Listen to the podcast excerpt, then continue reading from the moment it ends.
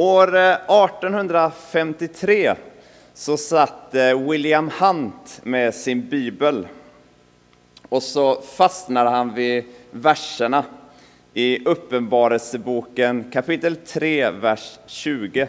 Samma text som vi precis hörde här. Se, jag står vid dörren och bultar. Om någon hör min röst så öppnar och öppnar dörren ska jag gå in till honom. Och djupt berörd av texten så började han måla en tavla.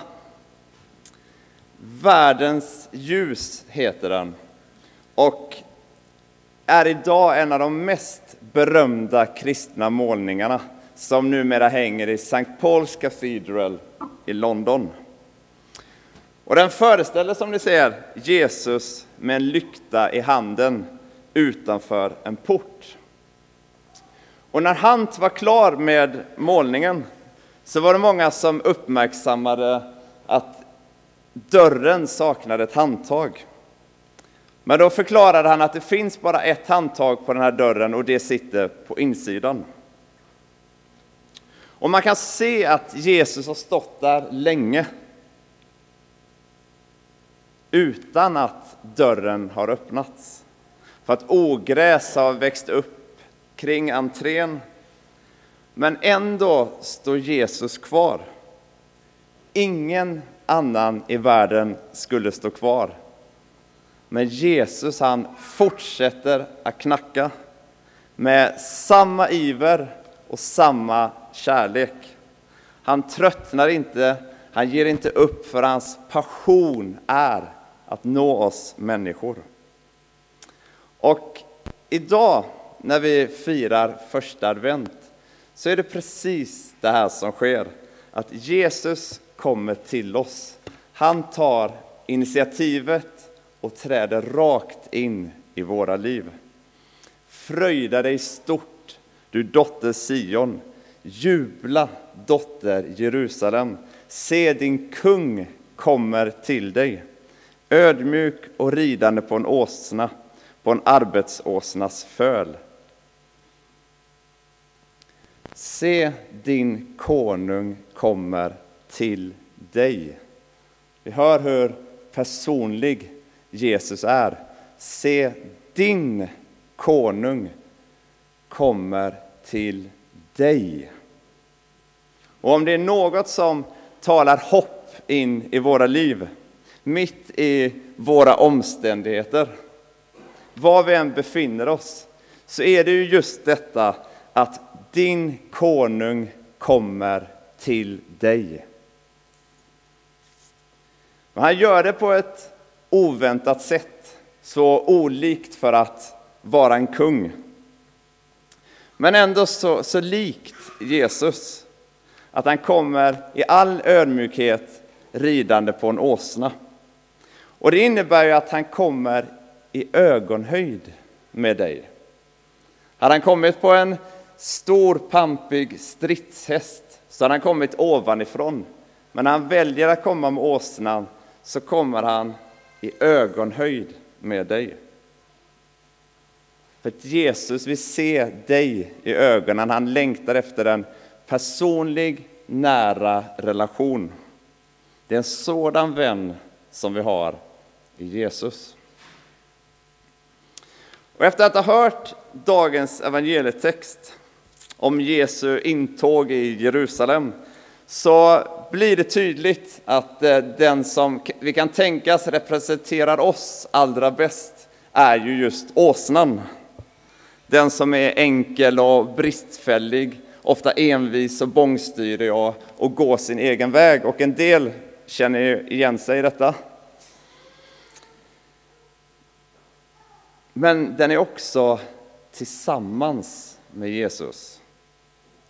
Det första vi möter den här åsnan, då är det lärjungarna som går dit för att hitta ett åsnesto som står bundet med ett föl bredvid. Och Jesus säger ordagrant, lös dem och för dem till mig. Och jag tror att, att Gud vill påminna oss här inne idag om att när Jesus möter oss när han gör intåg i våra liv. När vi tar emot honom så är det första han gör är att han löser oss från våra synder. Men han sätter oss också fria från det som binder oss. Han eh, skakar av våra bojor av eh, oro och fruktan. Som det står i Johannes evangeliet 8.36 att om Sonen gör er fria blir ni verkligen fria. Och därefter så blir den ju förd för att vara tillsammans med Jesus. Vi är inte lösta för att göra vad vi själva vill eller gå vår egen väg. Vi är inte heller lösta och utlämnade till oss själva, utan Jesus löser oss för att föra oss till honom. Det är som att Jesus graverar in i oss att vi tillhör nu honom. Och det här blir ju så konkret när ni ser här dessa åsnor som över sin rygg har ett kors tecknat i svart som bryter av mot den annars gråa färgen. Och vi här inne, vi har precis som åsnan blivit korsmärkta. Livet märker oss ofta på olika sätt. Människor kan märka oss på olika sätt. Men denna märkning är viktigare än någonting annat. Att Jesus har korsmärkt oss. Att vår identitet ligger i att vi är barn till konungarnas konung och att han nu äger vårt liv och vår framtid. Och det som sker nu därefter i texten, det är varje gång jag läser det lika märkligt och ofattbart. Det är att Jesus säger om denna åsna, jag behöver den. Jag behöver den. Och vilken uppmuntrande hälsning det är till oss alla här idag. Att i all sin vishet så väljer Jesus detta bristfälliga djur som redskap för att bära honom fram till människor. För att du ingår i Jesu plan, du är en del av den. Och kanske är det så att, att Jesus idag vill viska in i ditt hjärta att jag behöver dig. Att precis som åsnan så får vi vara bärare av Jesus. Leva inte bara för oss själva utan för något mycket högre och djupare. Att vi får bära in Jesus i vår tid, i våra sammanhang, i vår familj, bland våra grannar. Och jag, jag, tror att det finns en särskild hälsning i detta att åsnan var ett ungföl, som det står. Det betyder att det var ett oprövat kort som ingen någonsin suttit på. Någon som aldrig tidigare fått bära fram något. För visst är det så att vi ofta känner oss så. Inte minst i det här att få bära fram Jesus till andra. Men kanske är det också så att vi känner att det är ingen som har frågat efter oss, ingen som har trott på oss. Kanske har vi inte trott på oss själva. Då är hälsningen från Jesus idag att han frågar efter dig, han tror på dig, han satsar på dig och han behöver dig trots att du är som du är. För att han kunde valt en pampig stridshäst, men han valde en åsna. Det var ett tillfälle då en eh, mamma ville uppmuntra sin eh, son i pianospelandet. Så då tog hon med honom till en stor konsert av en känd kompositör. Och eh, När kvällen kom så tog de sina platser vid de främre raderna och så såg de upp i mörkret. Svagt lyste det här majestätiska pianot på scenen. Och ganska snart så träffade mamman någon bekant så de började småprata och eh, barnet eh, sprang iväg och gjorde något annat. Och sen slog klockan åtta. Och precis då så börjar strålkastarna lysa över det här pianot.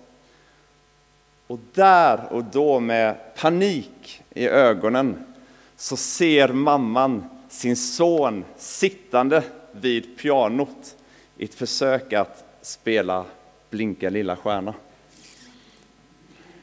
Och innan hon hinner rädda upp det hela eller göra någonting så precis då så kommer den kända kompositören ut, går sakta mot sitt piano för att börja konserten.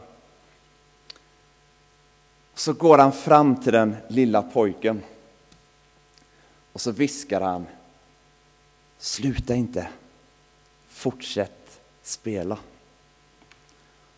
Och så lutar han sig över honom och så fyller han i de delar som saknats. Och tillsammans så skapar pojken och kompositören en ljuvlig musik och publiken var förundrad.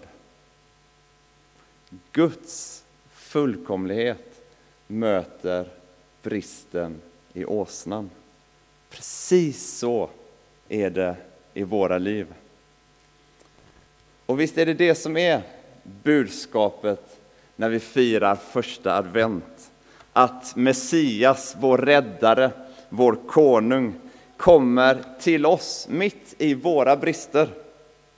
Och först blir vi lösta, sedan blir vi förda för att vara tillsammans med Jesus. Vi blir korsmärkta, vi får vår identitet i honom. Och sedan behöver han oss, trots vår ofullkomlighet. Och vi, precis som åsnan, får vara med i kallelsen att bära Jesus till människor. Och jag skulle vilja avsluta med bara en liten detalj. Och det är ju det här att när Jesus rider in i Jerusalem på åsnan så är det åsnan som får kontakt med mantlarna. Det är åsnan som får kontakt med palmbladen. Och det är lätt för åsnan att tänka att det är den som är huvudpersonen.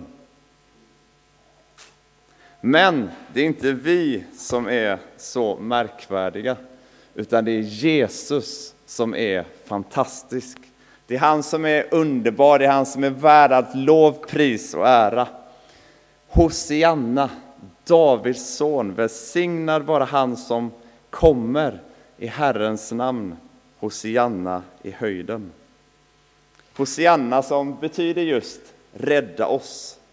Där det till och med är så att, att Jesu eget namn på hebreiska Joshua bygger på precis samma ordstam.